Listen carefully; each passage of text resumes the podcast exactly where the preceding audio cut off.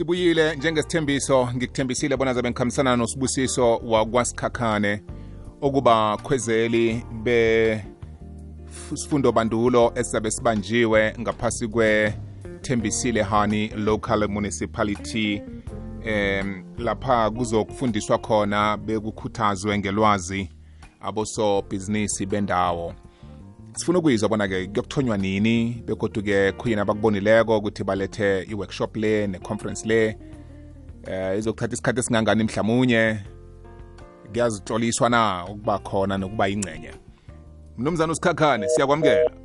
Oya oya oya sincancabeze khe watsho wathi ekhaya le kune-load shedding khe watsho khe watsho hayi kune-load shedding ngapha mthombothi. Ingahle ikhambe isithikameze. Sikhambe sibuyekeze siyomfuna. Sizokubuya naye uJD noLady B nabahlangeneko Madiski Divas bafika kuwe ngomgqibelo ngesimbi yesithathu bazithezile zemidlalo. Ingoma ezimnandi namaxoxo azokuthabisa. Zitheziwe namadiski Divas kukwekwezi FM kukhanya ba. Sibuyile sihlezi ku-14 minutes past 2 ngu-1414 nomuntu obhejako abo-14 laba bayafana ngenzeka bona zinomboro ezilichudu mnumzana usikhakhane yeche Eh ngibulise baba ninjani? siyaphila kunjani ngakuwe sibu? Hayi sithokoze khulu man siyabonga. kuthokoza thina mfana omdala ukusiboleka isikhathi sakho kusemini nje. Asithome ngokuyizwa bona nibobani begodu-ke nihlela ini ngaphasi kwethembisile hani local municipality.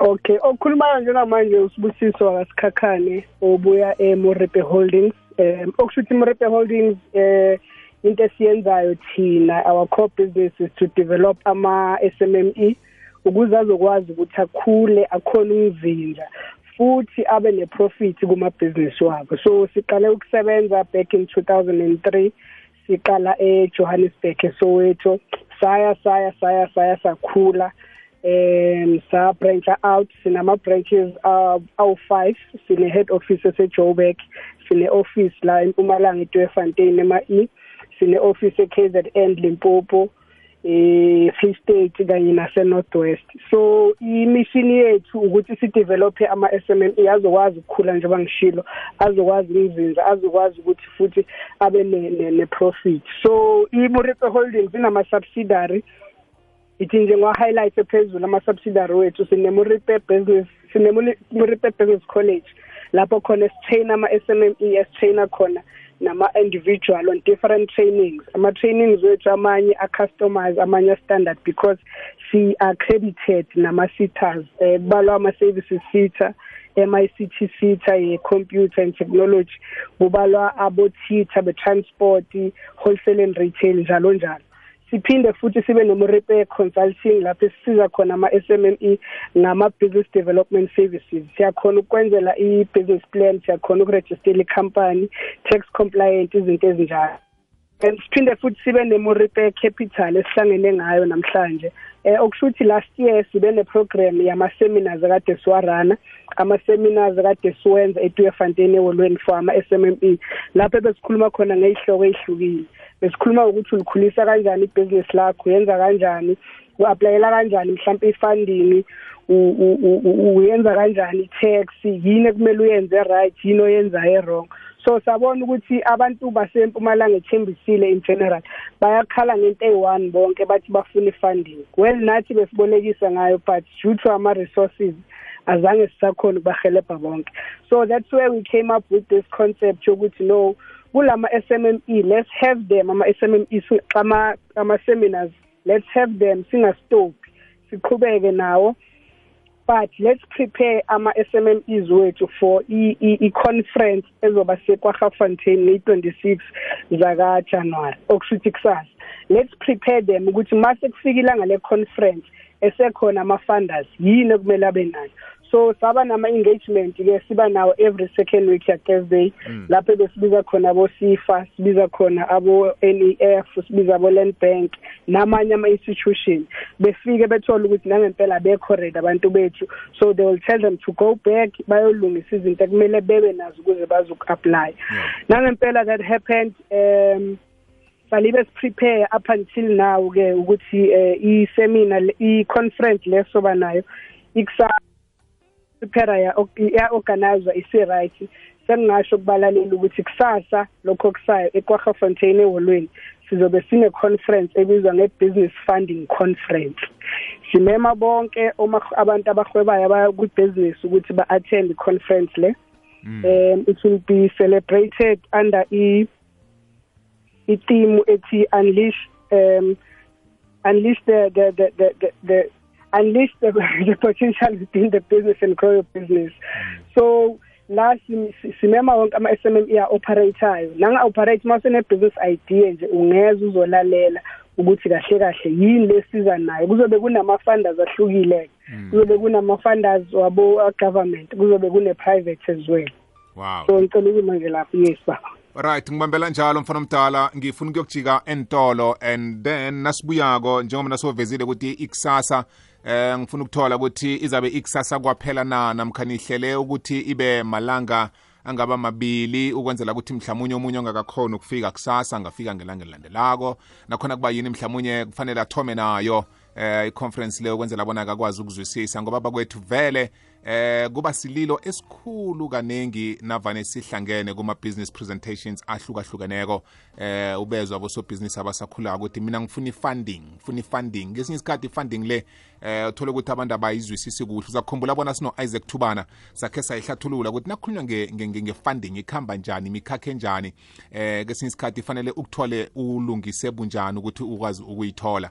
Eh kokhunye nakhuluma ngefunding abanye kuba imali obolekwa yona enye yayo okuyingcenye yemali leyo efanele uyibuyise nena uyibuyisako uyibuyisa neprofit eh izinto ezifana lezo. Kodwana-ke kuhle ukuthi ama-conference afana la uwakhambele ukwazi ukuzwisisa. Sikhambe sokuthengisa nasibuyako sizwe ukuthi izaba malanga mangakhe sibuyile sihlebula phambili nehlelo sidishile ngikhamba nosibusiso kwasikhakhane. Sikavezile bona uvela ki- kebakwa-muripe holdings. Si usesenami sibuwa ngithi ngisekhona ngisekhona bobo. Ngiyathokoza. Mfana omdala itsho-ke yokuba malanga amangakhi i-conference le? Um i-conference le yoba ilanga eliyi-one um which is i-26 zaka-January 2022 so it's only tomorrow iqala ngo-8 ekuseni ize iyophela ngo- ngo-5 ntambama. Mm, mm. hey hey mfana omdala mani hey siyahalela ukufika mani. Kuba yini nenze ilanga eliyi-one kuba yini lenze one day? Um ama asifunanga ukuyilula kakhulu because sifuna ukuba precise um into esifuna ukuyenza sifuna ukuthi abantu bezwe ba-implement. Oh ya so ayizuphe ukuthi phela kusasa kusho ukuthi sekuphelile ngayo umuntu akasakhona ukwenza Yeah. sikhona ema-ofisini wethu etwefontein ema-e ya eh nasekhona lethu lapha. Bafika ba i- i- i-conference esizoba nayo. Sizokhona ukubanceda abantu going forward ngama-applications ekuzomele bawenze. Yes mfana omdala ngaphandle kokuthi ngaphambi kokuthi isiqunde i-load shedding isilimaze nge-network asibanikele ama-contact number we-ofisini lenu la bazazibuzela khona abazenzela ilandelela eh keminye imibuzo mhlambe mina engingakayibuzi. Okay. Ke ngiphinde nje ngisho ukuthi kusasa eh imuripe holdings ibambisene nethembisilwane municipality. Izobe ine-conference i-business funding conference eKwafa- eKwafontein community hall.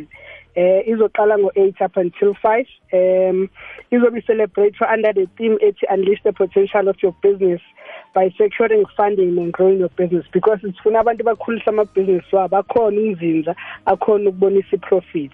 Um abantu abafuna uku-attenda sicele base- ba- ba-rsvp ku-065 909 8114 065 909 8114 they can either call bengafona noma basende i-whatsapp or i-sms um uzosenda igama ibhizinisi if awunayo ibhizinisi it's fine. Igama nesibongo nendawo obuya kuyo. Um bengasilandela ey'nkundleni zokuxhumana. Um ku-instagram it's muripe underscore holdings. Ku-facebook muripe holdings ihlangene i- i- i- igama lakhona. Nakutwitter ngokunjalo muripe holdings. Sikhona nakuwebsite ku-www muripe co za lapho abantu abazokhona ukubona wonke ama-services esiwenzayo as imuripe holdings. Ngibonga kakhulu ithuba msakazi. Akuthokoza mina sibu. Nibambe njalo mfana omdala. Nibakhuthaza abantu bemakhaya. Ngihlala ngiyitshumayela lento yokuthi ungabambeleli emholweni owodwa zama ukuthi ibe mbili. Nanoma usebenza iba nebhizinisana oluphutshako esayidini angewazi ukuthi ngiliphi eliza kuphumelela hlangana komsebenzi nebhizinisi lakho ukwenzela bona ukwazi ukwakha ikusasa. Thokozile sebuya sikhulume sizwe ukuthi nikhambe njani angithi? Siyabonga yebo sizoyiletha i-feedback ukuthi kuhambe kanjani. Angiphinde ngisho nje ukuthi i-conference le it's for free. Imahala ha. Umuntu o-interested akasenda ama-rsvp ngibonga kakhulu ithuba football thokoza ukuveza umbono loyo mfana omdala. Bengikhohliwe ukukubuza ukuthi niyabhatelisa namkha isimahla. Na isimahla soke siyeza?